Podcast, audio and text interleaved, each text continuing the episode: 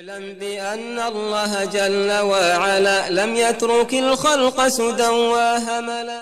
اعلم بأن الله جل وعلا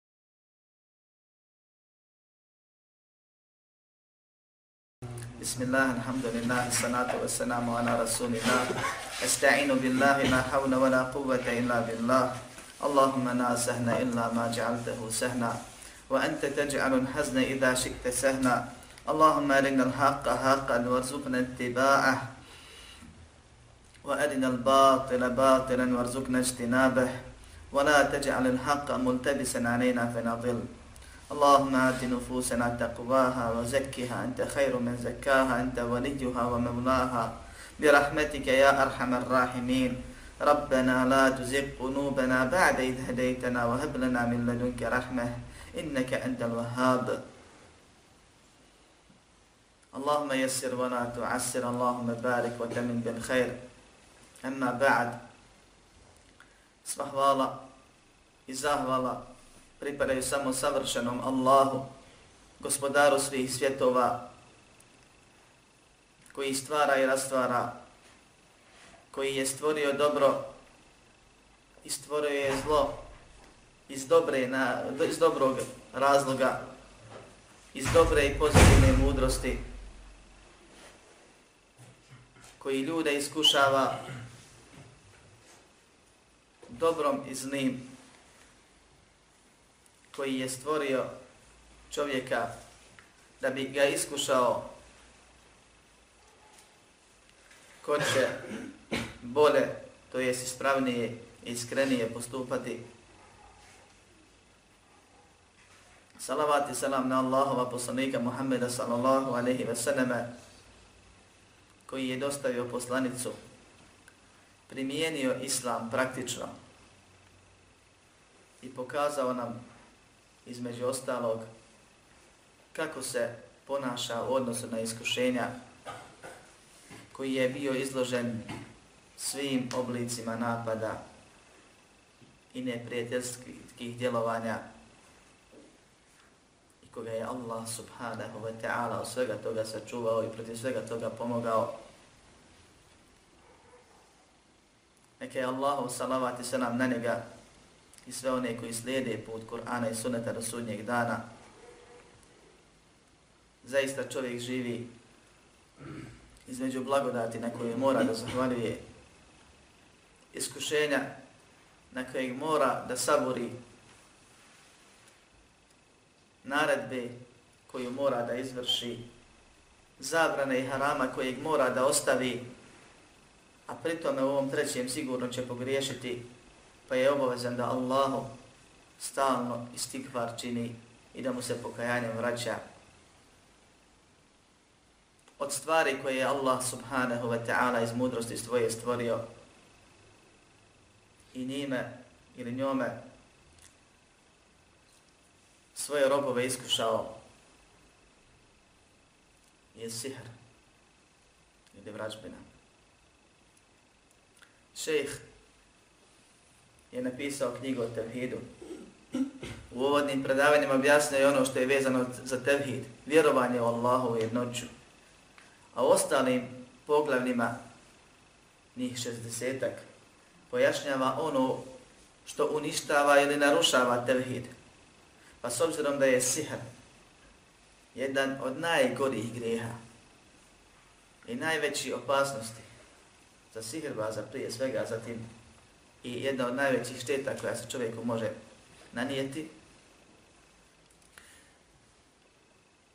i što u sebi sadrži širk s druge strane i direktno narušava tevhid onome koga čini ili koga naručuje, koga konzumira, šeh je došao sa poglavljem o sihru.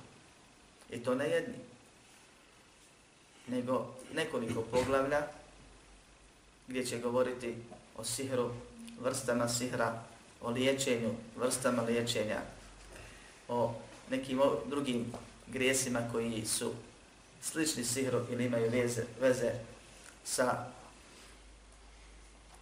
sihrom i tim oblicima vjerovanja, odnosno nevjerovanja.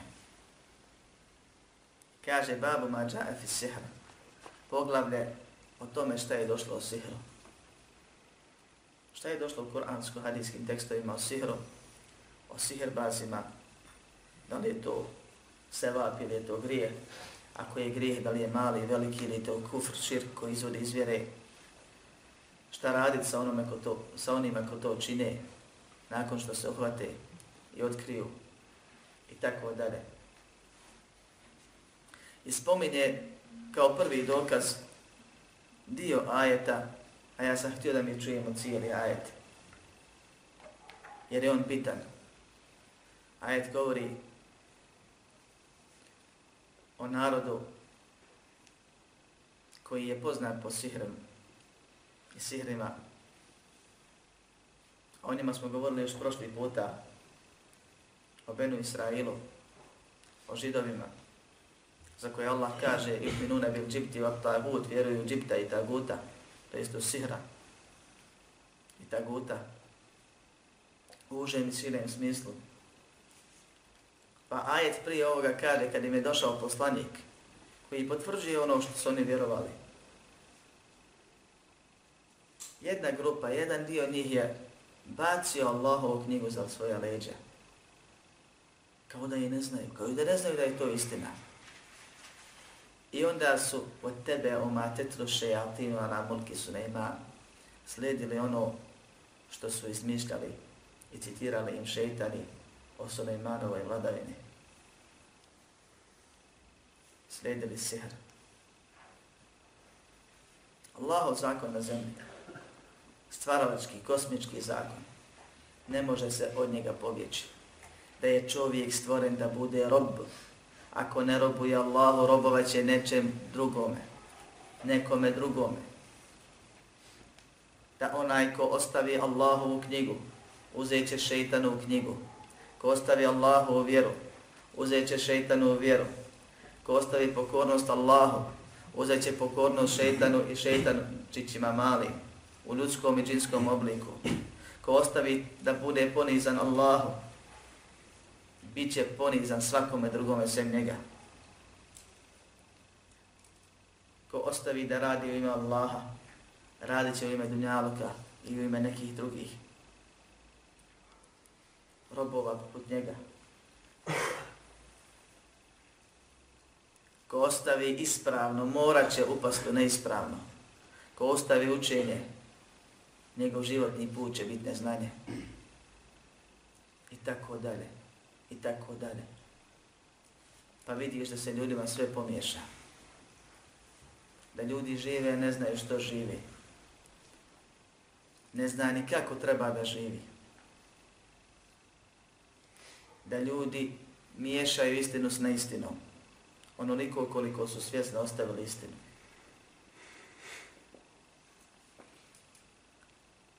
Da ljudi ne pravi razliku između ogovaranja i upozoravanja ako su islamu. Pa čovjek koji sije zlo i smutnju i sam je neispravan zato što je ostavio znanje i učenje, pa ga je Allah iskušao neznanjem i u njemu luta, kaže, na primjer,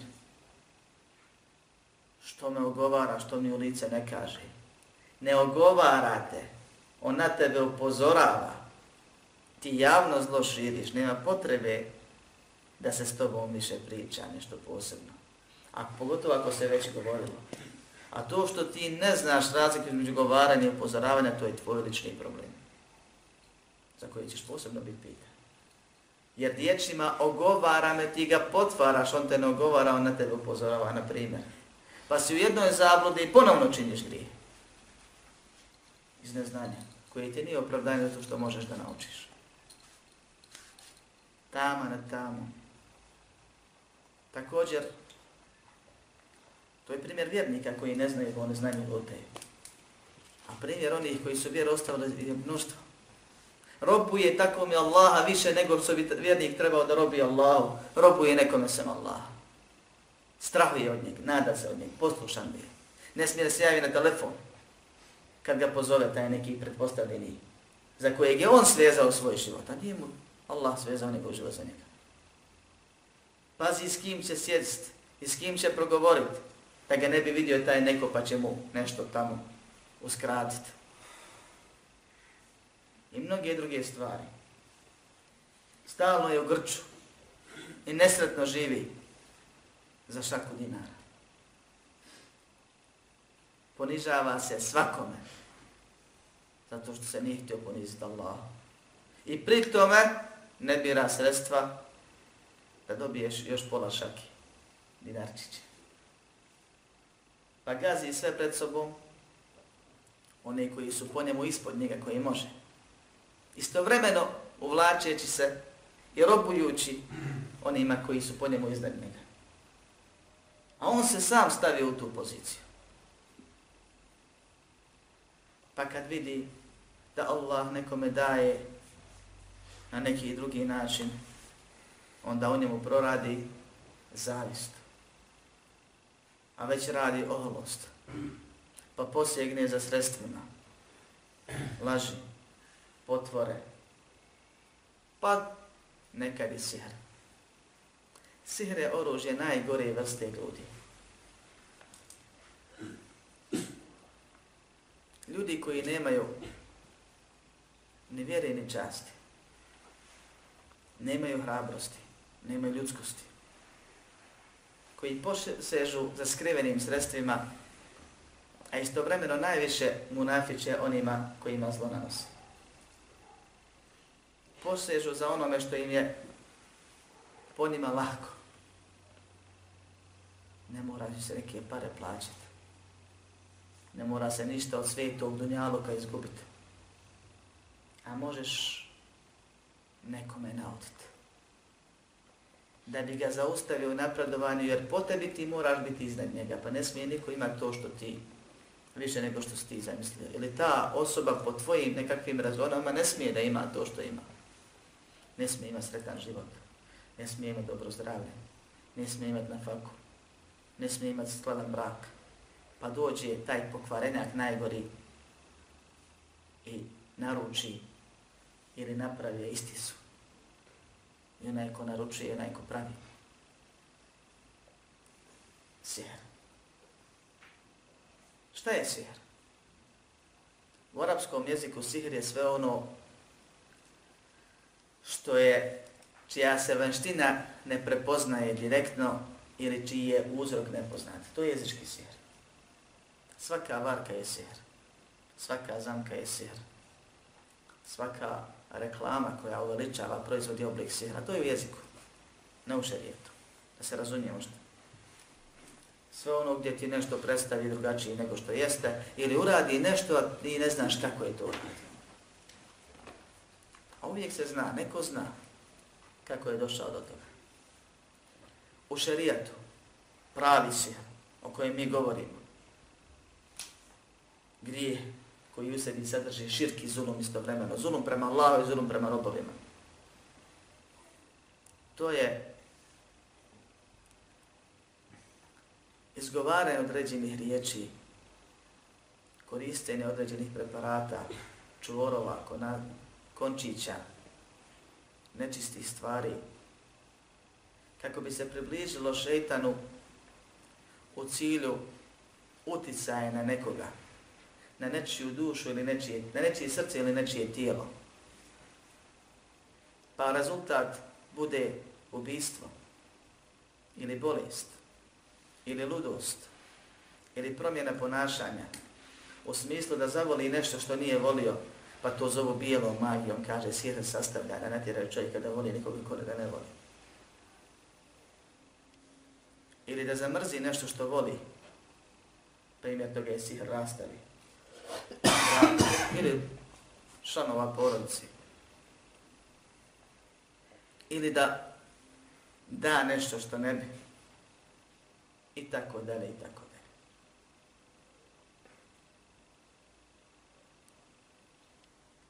Suprotno ruki šarijaskoj, koja je učenje ajeta, dova i zikrova i korištenje raznoraznih lijekova, slična stvar ciljem približavanja Allahu subhanahu wa ta'ala u otklanjanju šetanskog utjecaja na čovjeka vezanog za tijelo i srce i promjene ponašanja i tako.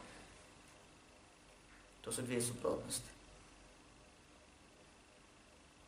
Allah subhanahu wa ta'ala kad govori o ovom narodu kaže kad im je došao poslanik sa istinom, oni su to ostavili. Pa su slijedili ono što su šetani u Sulejmanovi vladavini kazivali, došlo je rivajetima u predajama, da su šetani nakon smrti Sulejmana, a toliko su ga se bojali i toliko mu je Allah kontrol dao nad njima, da i nakon što je umro dugo vremena, dok crv nije izgrizao njegov štab, pa je pao, misli se da je živ, pa su i dalje pokorni bili. Nisu smijeli da pogledaju u njega. A nakon što je preselio, alaihi senam, šetan ko šetan, zlo ne proizvodi dobro nikada. Zlo može samo da proizvede zlo. Odmah im je naumpalo, kako neke predaje kazuju, da su knjige o sihru napisale, napisali, pa i sakrili i rekli ljudima, otkopajte ovdje, naći ćete Suleimanove knjige kojima je on kontrolisao nas džine. I time rekli da je šeitan vladao, da je Suleiman šeitanima vladao sihrom. Džinima. Pa kaže, ostavili su Allahov poslanika govor i uputu. A slijedili su ono što su šeitani od Sulejmanove vladavine govorili, kazivali. Oma kefere Sulejman. A nije Sulejman bio nevjernik, jer je sihr nevjerstvo. Walakinne šejatine keferu ju'allimune nase sihr. Nego su šeitani nevjernici zato što ljude podučavaju sihrom. Pa ovdje vidimo da je sihr nevjerstvo, jer Allah negira da je, šeitan, da je Sulejman koristio sihr. I ne kaže nije Sulejman upotrebljavao sihr, nego kaže nije Sulejman bio nevjernik. Nego su šetani nevjernici zato što podučavaju sihr. Pa ovdje imamo tri koristi. Prva da je sihr zabranjen, da je nevjerstvo. Druga da je podučavanje sihra nevjerstvo i samim tim učenje sihra nevjerstvo.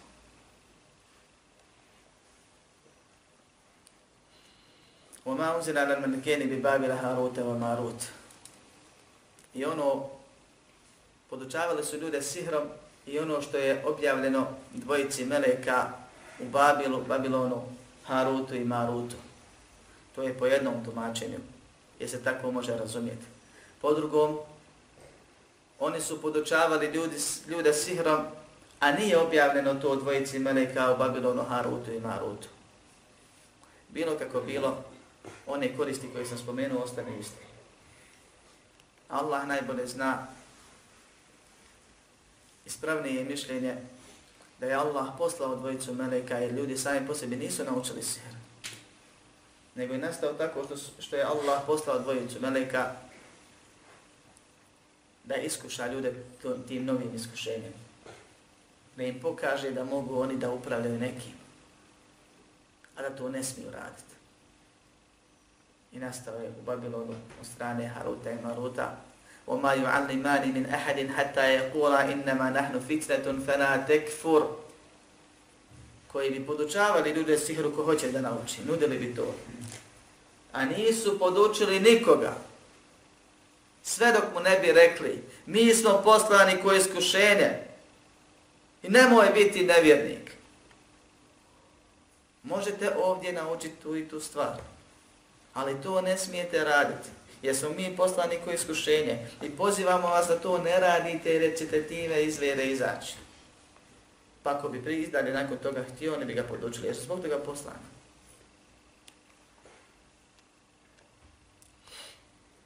فَيَتَعَلَّمُونَ مِنْهُمَا مَا يُفَرْدِقُونَ بِهِ بَيْنَ الْمَرْءِ وَزَوْجِ Kaže, pa su od njih naučili kako da muža od žene rastavi. Zatim nastavlja se dalje od onih koji su na, o, priča onima koji su naučili sihr. Jer meleci nisu pravili sihre ljudima.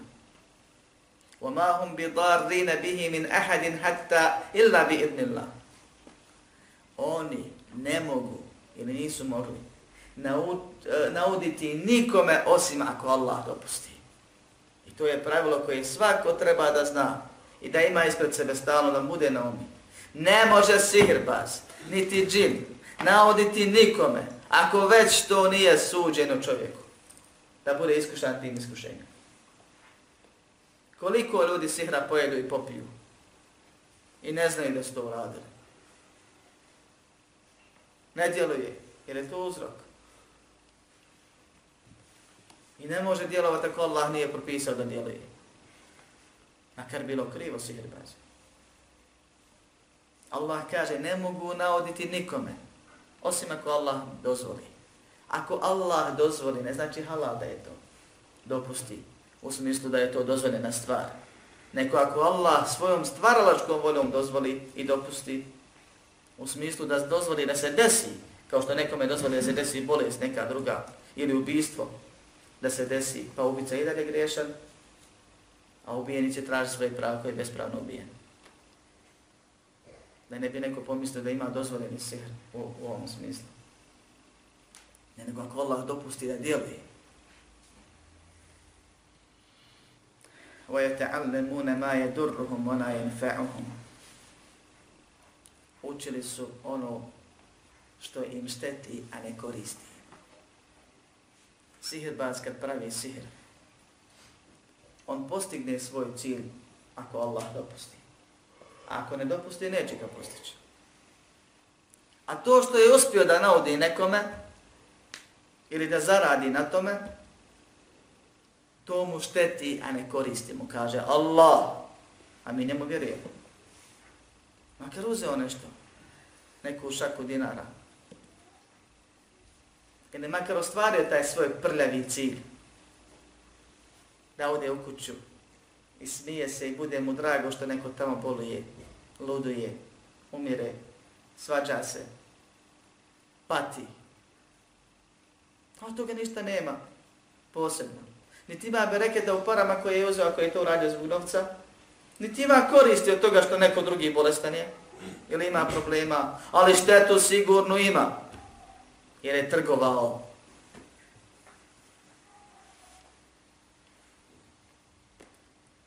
وَلَقَدْ عَنِمُوا لَمَنِ اشْتَرَاهُ مَا لَهُ فِي الْآخِرَةِ مِنْ خَلَاقٍ وَلَبِئْسَ مَا شَرَوْا بِهِ أَنفُسَهُمْ لَوْ كَانُوا يَعْلَمُونَ وَلَوْ أَنَّهُمْ آمَنُوا وَاتَّقَوْا لَمَثُوبَةٌ مِنْ عِنْدِ اللَّهِ خَيْرٌ لَوْ كَانُوا يَعْلَمُونَ Allah subhanahu wa ta'ala. Znali su da onaj koga kupi nema na ahiretu ništa. Nema na ahiretu spasa. Znali su da onaj ko kupi sihr, i tako se Allah izražava, kupi sihr. Jer sihr se kupuje, braćo moja. Trgovina, kupoprodaja. Znači kad kupiš nešto od nekoga, da onaj ko ti je prodao, nešto je u zamjenu uzeo. Šta sihr vas, braćo moja, nudi u zamjenu za sihr? Znali to? Kupio je sihr od šetana. Šta nudi? Nudi svoju vjeru. Prodaje svoju vjeru. Prodaje sebe. Neće ga šetan slušat. Niti će mu cilj nego ispuniti. Osim da on bude pokoran šetanu. A ako se preda šetan, on te neće nagovarat na cigare. I neke druge manje grijehe ako se mu se već predao, pa njegov cilj glavni je da čovjeka iz vjere izvede. I neće šeitan poslušati sihirbaza i omogućiti mu da napravi sihr, osim ako mu ovaj jedan ili više ibadeta ne učini. Osim ako mu ovaj širk ne bude činio. Osim ako ga ovaj pokvarenjak za Boga ne uzme. Tako što će mu se pridržavati raznim oblicima ibadeta i radi sve što on od njega traži, kako bi mu i dalje nastavio udovoljavati. Pa imamo ispovijesti sihirba za pokrajnika. I imamo svako malo izvještaje šarijaske policije u Saudijskoj Arabiji koja hvata siherbaze. Pa i jedni i drugi govore da su znali raditi najgore oblike nevjerstva. Da je Sejta rodi znao traži da idu u džanju da psuju Boga na namazu. Da gaze mushaf, da onečiste. I pored toga, njihov svakodnevni život u tim bogatim kućama, na primjer, lijepog izgleda koje su zaradili sihrom, sastoji se od toga da šeitan svako malo od njih traži da spavaju u nečistom brlogu. Pa su znali uhvatiti, imaju snimci čovjeka kamari džubrata u spavačoj sobi spava. Kaže tako cijeli život živi. Svako večer on mora tu da spava. Prodao vjeru, prodao pamet. Zašto? Da dobije nešto malo na dunjalku i da izgubi vječno uživanje na ahiretu. I da da svakom mazlumu čijem zulumu je on bio sebe njegovo pravo na sudnjem danu. I da se onaj koji je iskušan sihrom, a saborio je i borio se na dunjaluku, žestoko obraduje na ahiretu. Nagradom od Allaha za sabor i da ne uzimajući od sihrba za sevapa, jer nema sevapa, da mnogi grihe svoje treba cijene teret sihrbaza na sudnjem danu. Allah kaže, znali su da onaj koga proda, koga kupi, neće imati na ahiretu min halak, kaže Ibn Abbas, min nasib, to jest nema udjela na ahiretu, u džennetu. Vole bi se ma šera ubihi enfusehom. Braćo moja, poznato je, i oko toga nema razlože među muslimanima, da svako ko umre na dinu imanu, umre ko musliman sa trunkom imana u sebi, da će ući u džennet kad tad, makar kroz žehene. Pa kad Allah kaže nema nikakvog udjela na ahiretu, nikakve koristi, znači nema ništa od, u njem odvjere. To je još jedan od dokaza da je sihr nevjerstvo. Ja samo će nevjernici vječno u džehennem ostati. Vole bi se ma šera u bihi enfusehom, grozno je ono zašto su se prodali, لو كانوا يعلمون كبسم ونزناري ولو أنهم آمنوا واتقوا على السوفيار وغالي يقولوا بياس نبيلي لمثوبة من عند الله خير طبي اللي بيود الله بولي نوغو من أونو سيد لو كانوا يعلمون كبسم ونزناري to je prvi ajet. Šejh je ovdje odabrao samo dio ajeta. Lekad anim u lame išterahu ma nahu fil ahireti min hanak. Znali su da onaj koga kupi, to je sihr, nema na ahiretu nikakvog udjela, to je skoristi, neće biti spašen, što je dokaz da je sihr zabranjeno, zabranjen i da je sihr kufr. U drugom ajetu kaže, ajet o kojem smo već govorili, Ju'minune bil džipti vat tagut, vjeruju džipte i taguta, pa kaže se, džipt je sihr, kao što kaže Umar radijallahu anhu, prvi bilži Buhari i Muhammed bez seneda, a tagut je šeitan, to jest u ovom ajetu se cilja na to, jer Egipt, zajednički naziv za sve oblike zla i zablude, a sihr je jedna od najvećih, a tagut je također zajednički naziv za svakog onoga ko prijeđe granicu iz roba u rabba, bilo da se obožava ili zadovoljan da biva obožavan ili poziva druge da, se, da ga obožavaju ili da ga slijede u nekoj religiji, ideologiji koja je suprotna islamu ili da mu se pokoravaju suprotno od onoga što je Allah ohalalio i haramio i tako dalje. To su tri vrste, a podvrsta ima puno. Pa je šeitan jedan od taguta jer on poziva da se neko sem Allaha obožava i najzadovoljniji da on bude taj koji se obožava. Ako ne on, onda neki njegov prijatelj, a ako ne on, onda bilo ko od ljudi stvorenja, makar sam po sebi bio dobar. Jer je cilj isti, izvesti insana, to jest onoga ko to čini izvjeri. Kaže Džabir, Tavagitu kuhan kane jenzinu anehim šeitan fi kulli hayyin vahidun. Taguti su vraćari kojima su šeitani dolazili u svakom plemenu ima po jedan. To je bio običaj. I to je prisutno i dan danas. Da je postoje ljudi koji nešto vraćaju, koji nešto predviđaju, koji nekakvo znanje imaju i da su dobri se pretvaraju i da su pobožni u očima ljudi komšija izgledaju, koji sa džinima sarađuju, pa nekome govore što ima u kući oko kuće, nekome nađu i kažu gdje mu je izgubljena ili kradena stvar, a pritome čini razorazna zla. to je vrač. A siherbaz je neko iznad toga. Jer vrač nužno ne mora da čini zlo drugima. On sam po sebi priziva da zna neki, neki, neko znanje od gajba ili neki dio znanja gajba, pa time izlazi iz vjere i drugi izvode koji mu vjeruje. Dok sihirbaz širkom izlazi iz vjere i svojim dijelom čini zulum drugima, nekoga ubije, nekome bolest uzrokuje. U svakom slučaju Bela je pravi. Bela je pravi bijelom magijom. Kažu ima crna i bijela magija. Crna je kad činiš zlo, a bijela je kad činiš dobro. Pa kako se to može činiti dobro? Kaže, pa spojiš tvoje. Ti si sastavio, kaže, nisi nastavio. Šta si uradio? Nekome pamet uzeo, pa on živi s nekim koga smisliti ne može. I ti njemu dobro učinio. Kako je to dobro? To je nemoguće da bude dobro. Pa se desi da se ljudi probude iz sihra i pitaju se gdje sam, šta sam i otkud ja s ovom osobom. Šta je ovo? Šta mi se ovo desilo? Kom mi sihra potrebno?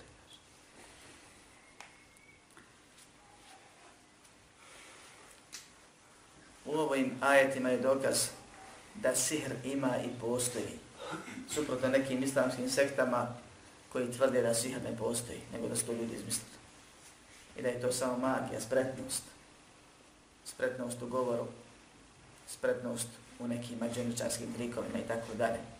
Allah subhanahu wa ta'ala sihr spominje i na njegov pozorava i govori o ovim stvarima i kaže da su se prodali i da su vjeru prodali i da nemaju udjela na ahiretu i da lažu na Sulejmana i da je to nevjerstvo i da su oni nevjernici koji to rade zato što to rade i druge time podučavaju i na mnogim drugim mjestima se spominje sihr i u slučaju Musa i Faraona se spominje sihr i da mu se učinilo da se oni štapovi kreću ko zmije i tako dalje.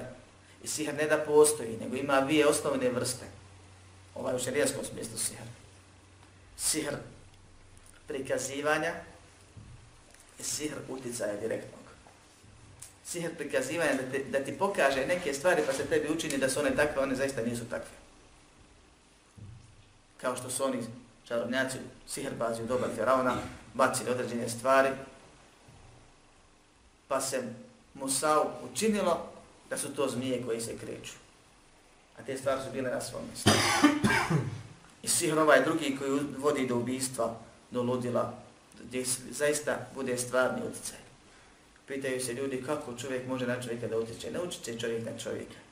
Utječe džin koji ga je čovjek sihirbaz poslao i koji kola ljudskim venama i pravi i uzrokuje fizičke ili psihičke poremećaje. Nekad utječe na razum, nekad na tijelo. I to samo kome Allah dopusti koga Allah htjedne time učinu. Iskušati. Postoje sihr u jezičkom smislu, koji nije sihr i o njemu ćemo još više govoriti.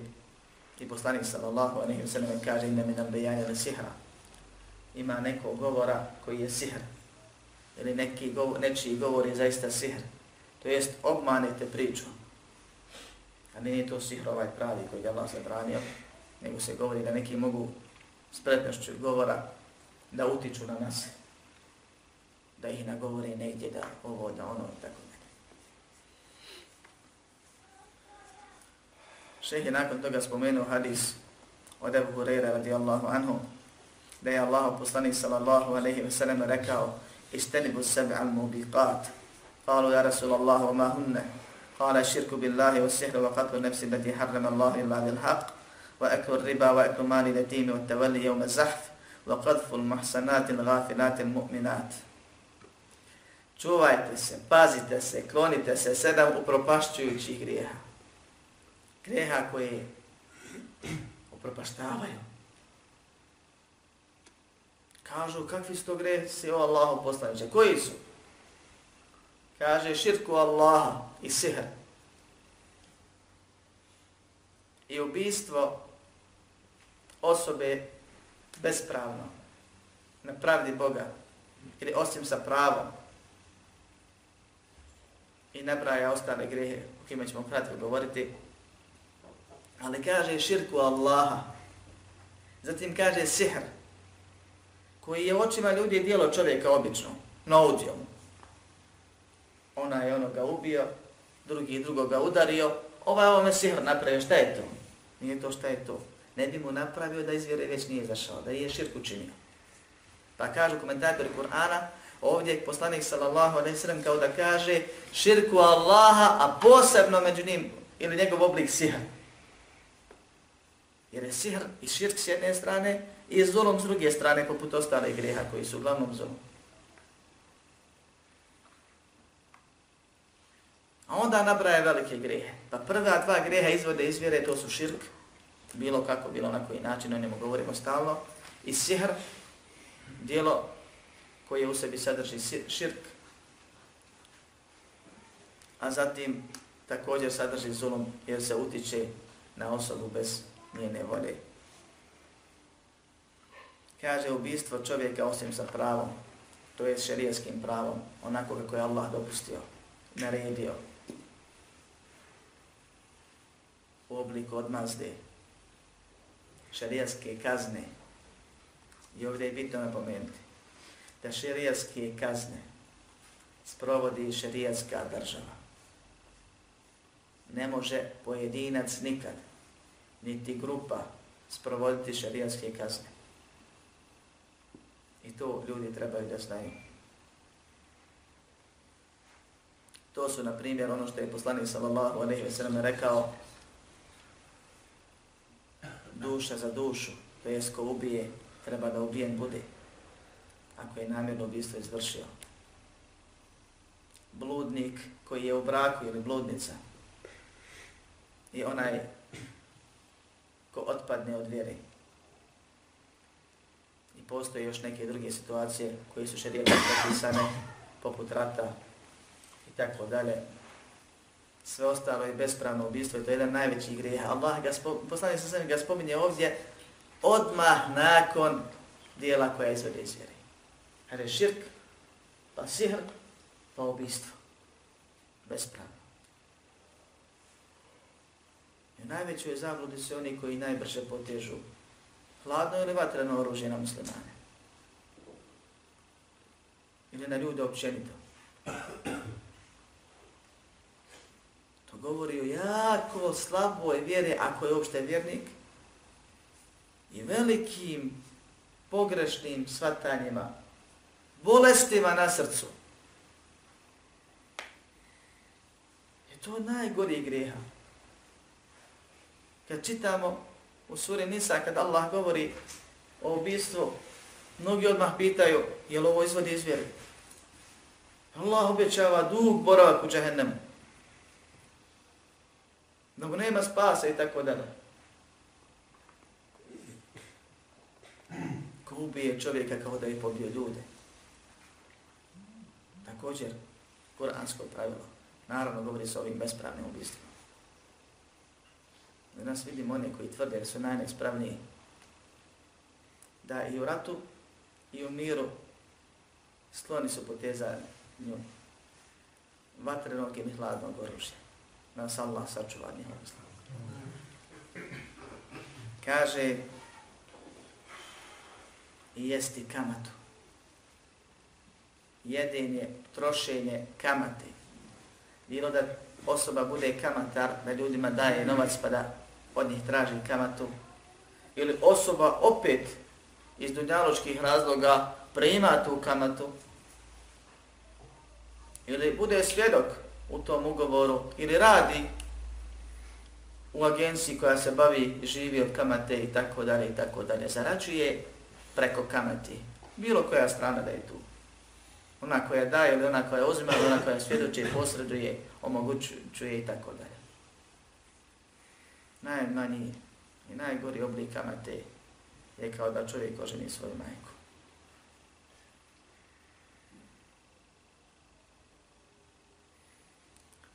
Razlika između ne i ubistva samo što ti nisi uzeo nekome dušu, ostavio neke jetinima i tako dalje, ali sebi si užeo dušu.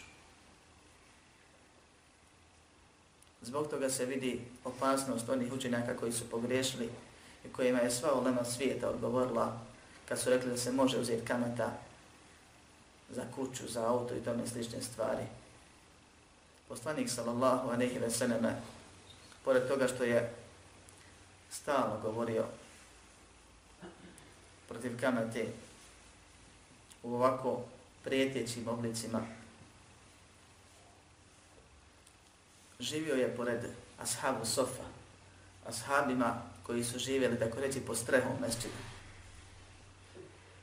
Poslanik sallallahu alejhi ve sellem je prolazio kroz glad i žeđ. Prolazio je kroz neimaštinu. Vezao je kamen i dva. Išao je sa ashabima, a glad ih izvala iz kući. Pa bi naišli na ashaba kojim je zaklao janje i ponudio ih vočkama i tako dalje. Što nam govori da i u tom periodu je bilo ljudi koji su imali više nego drugi. Poslanik sallallahu alejhi ve sellem je bil mu'minina raufun rahim. Vjernicima blagim i milostivim.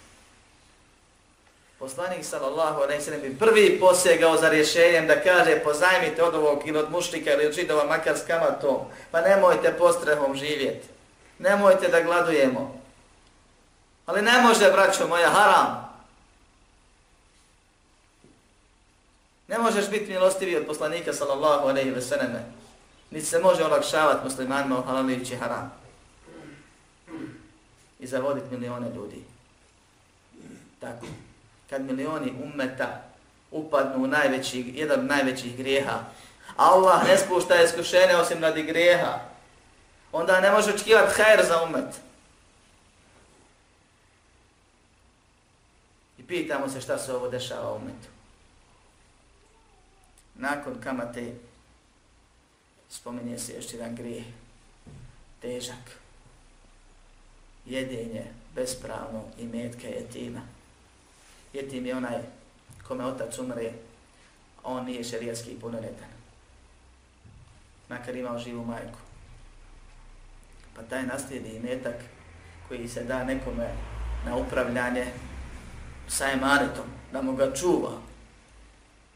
I da od tog imetka na jetima izdvaja kako bi ga izdržavao i ima pravo da ulaže njegov imetak kako bi ga razvijao.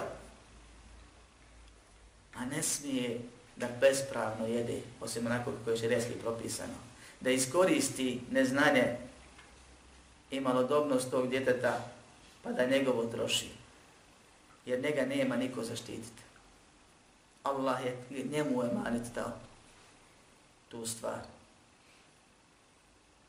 pa je ovaj cinik poput sihrbaza iskoristava priliku kad niko ne može procijeniti da li zaista trebalo toliko ili ne, kao što sihirbaz iskoristava priliku pa tajno tamo negdje u džubrištu pokori se šetanom kako bi naudio nekome, a ne smije da izađe i kaže tako ne valja, ne valja, ne stane. I da mu javno naudi, ako već želi da mu naudi. Iako naudi nekome je zabranjeno u svakom slučaju, on kaže, poređenja radi.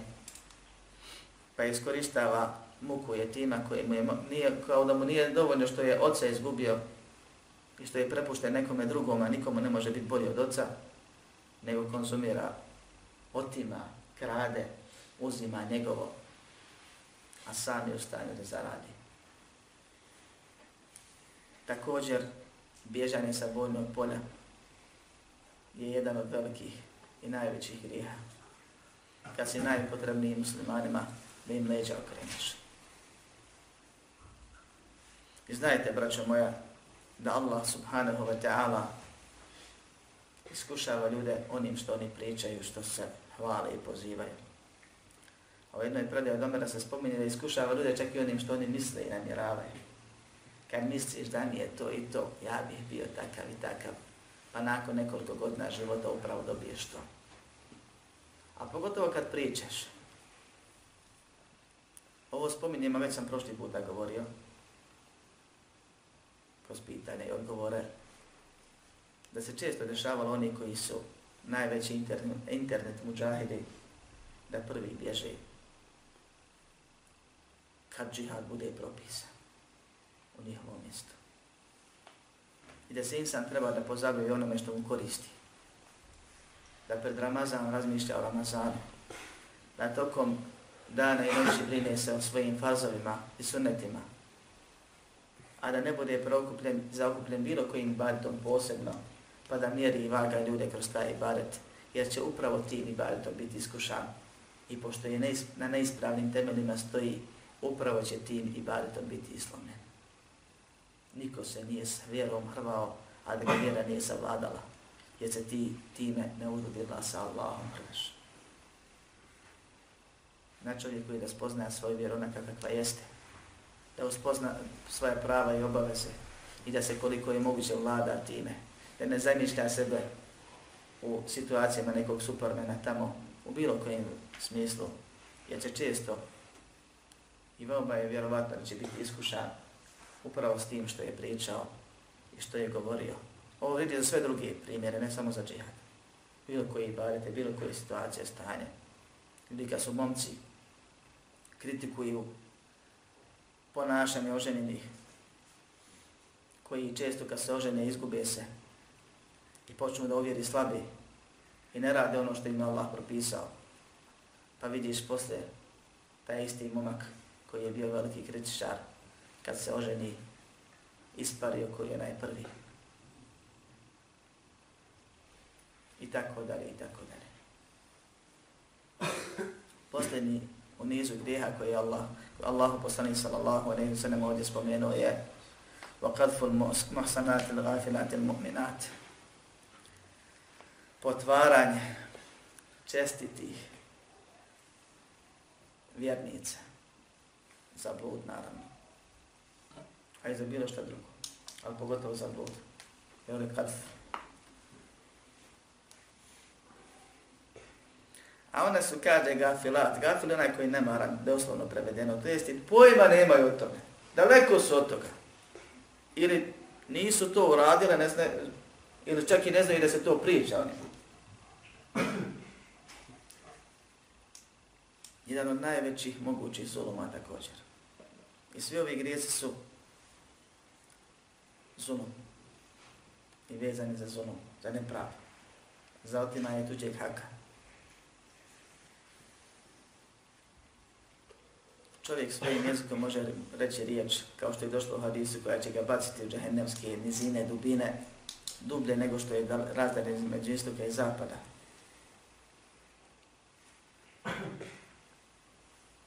Čovjek svojim jezikom može reći riječ kojom će zadovoljiti svoga gospodara pa da mu Allah upiše da je on sretnika od Zednetlija i pomogne ga da, da do kraja života radi ta dijela zbog koji će ga uvesti u džennet.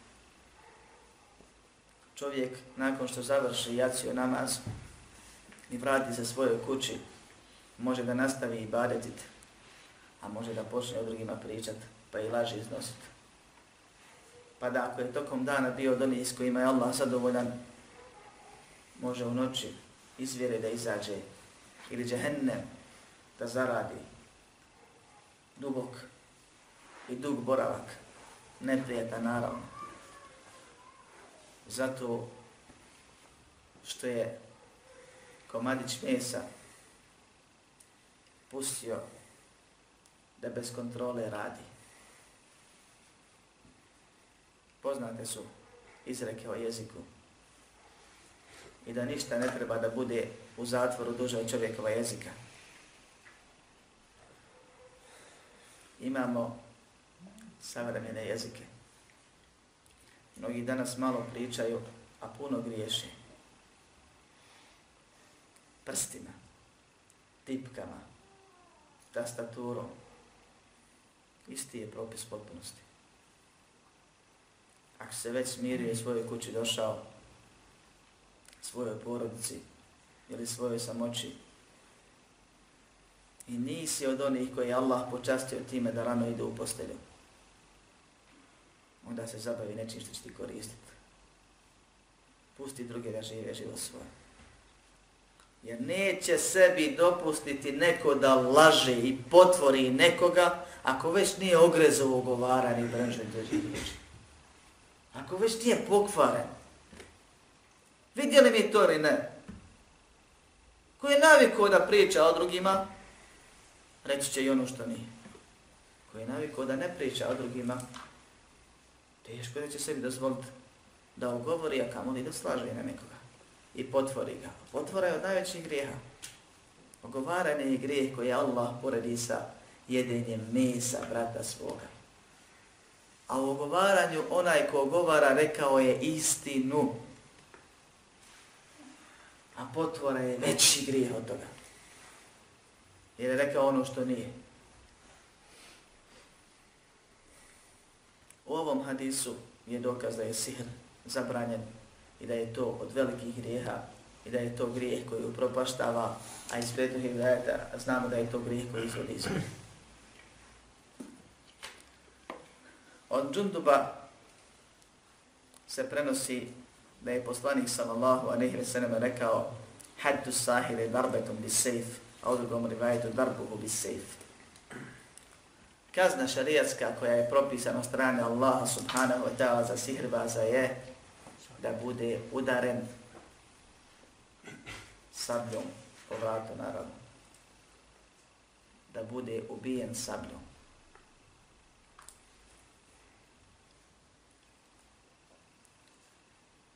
I to bez prava pokajanja. Po mišljenju hanefijskog, malikijskog i hambelijskog meza. Dok šafije, imam šafija, rahimahullah i njegovi sljedbenici spatraju da se ne mora uvijek ni ubit, niti da se mora uvijek ubit, ako se ubija bez prava pokajanja, nego se mora tražiti od njeg pokajanje i vršiti istraga nad njim, u kojoj istraga svakako postoji, da bi se dokazano da je on sihrbac. Ali da se mora tokom istrage pitati šta je radio, koji je vrstu sihra radio, jer oni uzimaju u obzir šire značenje sihra. Pa oni kažu postoje sihr koji izvodi i koji ne izvodi iz vjere. Složni su na tome da onaj ko se približi šetanu i badetom da izašu iz vjere. I to je sihr koji izvodi iz vjere. Ali kažu, pošto postoje mađeničarski trikovi, neke druge stvari, i uca i tako dalje, nekim preparatima, po njihovom stavu i mišljenju, moguće je napraviti sihr i uca da u smislu sihra, bez da osoba izađe iz vjere, pa zbog toga ga treba pitati kakvu je vrstu sihra pravio, pa koji se približio šeitanu, a koji uradio širk, ubija se zbog širka, a ako se ubija zbog širka, kaže onaj ko do, bude doveden kod kada je radi kufra i širka, on je za svakako traži da se pokaje. Pa ako se pokaje, primam se pokajanje pod uslovima, naravno. Također, Bez obzira koju vrstu je sihra radio, kažu oni koji dijeli da imaju vrste sihra. Ako je prilikom sihra uradio nešto čime zaslužuje ubistvo, kao šerijetsku kaznu, također se ubija. To jest ako je sihrom ubio nekoga, na primjer. I tako dalje. Ispravno je, Allah najbolje zna ono na čemu je većina islamskih učenjaka od ashaba pa nadalje, da se sihirbaz ubija bez prava na pokajanje. Kad kažemo pravo na pokajanje, braćo moja, to se odnosi u ljudskom smislu. Dakle, ne poziva se, pokaje se pa ćemo te ostaviti živa ili bivaš ubijen. A osoba se može pokajati sve do, do momenta smrti. Ono je sve između njega i Allaha. To mu pravo niko ne može oduzeti.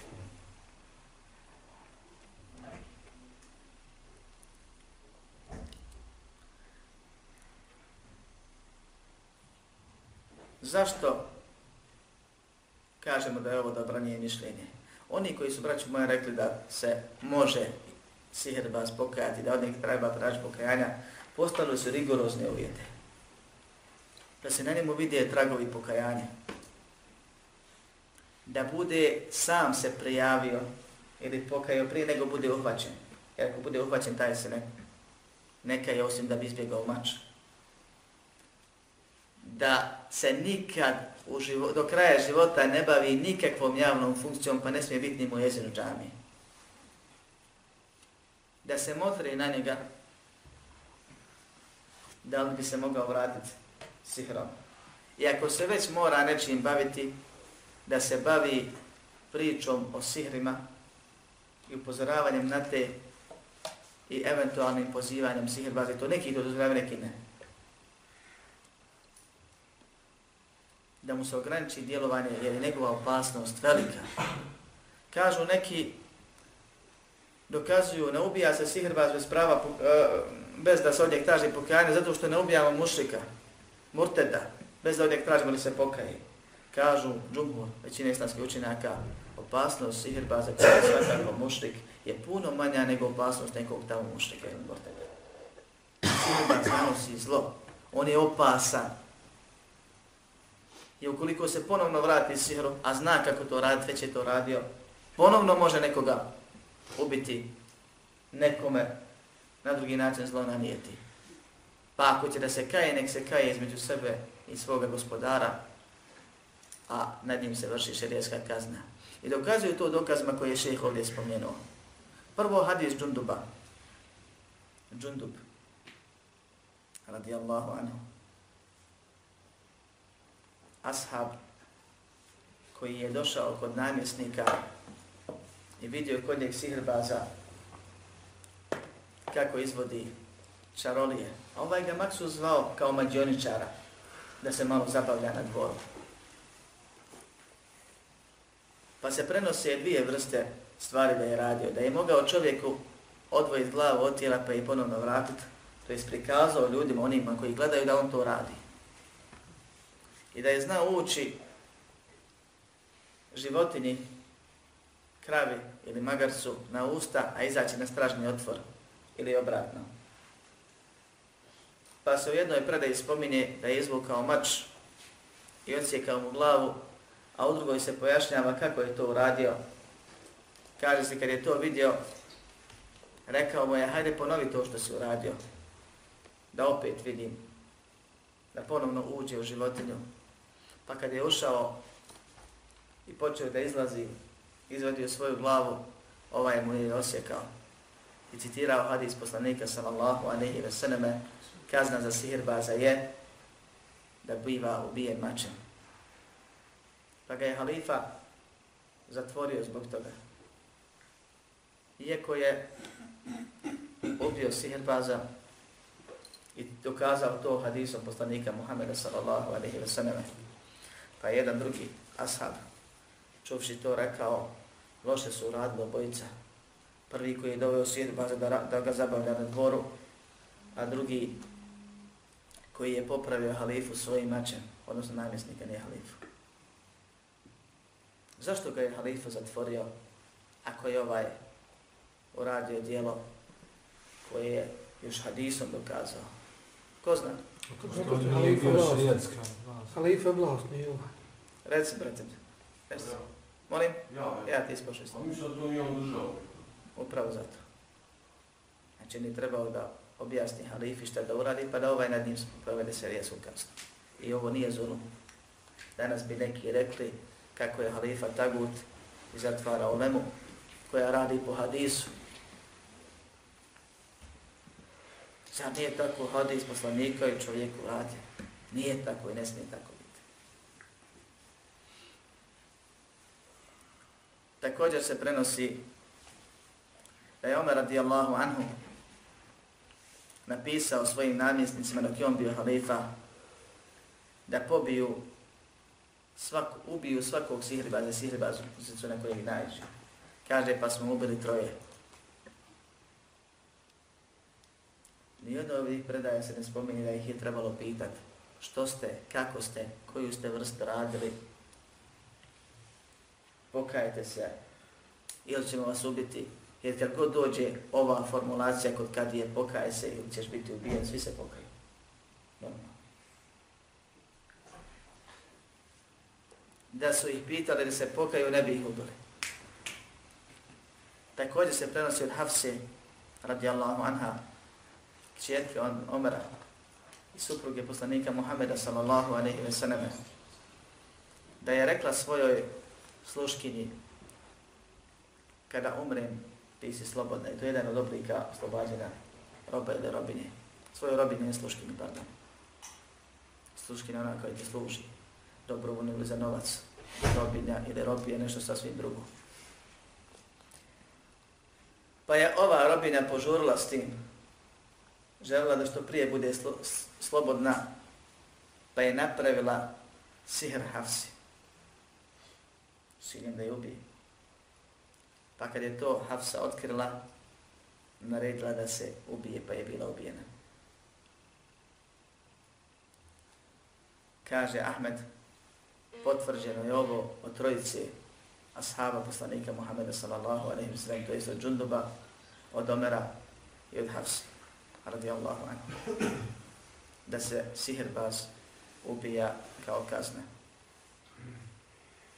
I nije spomenuto da je neko od njih tražio od njih da se pokaju. Ako Bog da, nastavit ćemo govoriti o poglavima svih ovim smo završili ovu poglavlje i o tome da je poslanik Muhammed sallallahu alaihi wa sallam bio obsihren i bio iskušan ovome. Pa onaj koga je Allah iskušao ovim iskušenjem, neka zna da je i najbolje stvorenje imalo isto iskušenje i da to nije nikakva sramota, a pogotovo ne grehota i nešto čega se treba stidjeti. Neko boli od raka, neko od ovog ili onoga, neko je iskušan sihrom. Svaki iskušani, ako osaburi, imaće nagradu, kao što je došlo u hadisu, kad vide oni koji nisu bili iskušani, kakvu nagradu imaju oni koji su bili iskušani i saborili su. Poželit će da im se kože i mišići deru železnim češljevima. Pa molim Allah subhanahu wa ta'ala da nas uputi napravi put i učvrsti na njemu, da nam pojača vjerovanje i ubjeđenje i pomogne u praktikovanju vjere, da nas sačuva svakog zla i oni koji zlo čine i zlo žele, da nas pomogne na činjenju dobra, u smrti kao iskrene, ispravne dobročinitele, da nas poživi sa onima i od onih kojima je on zadovoljan, da nas uvede u džennet, a sačuva džehenneme, džehennemske kazne, oprosti nama i svim muslimanima i muslimankama, pomogne islami muslimani na svakom mjestu. Amin. Walhamdulillahi rabbil alamin. اعلم بأن الله جل وعلا لم يترك الخلق سدى وهملا. اعلم بأن الله جل وعلا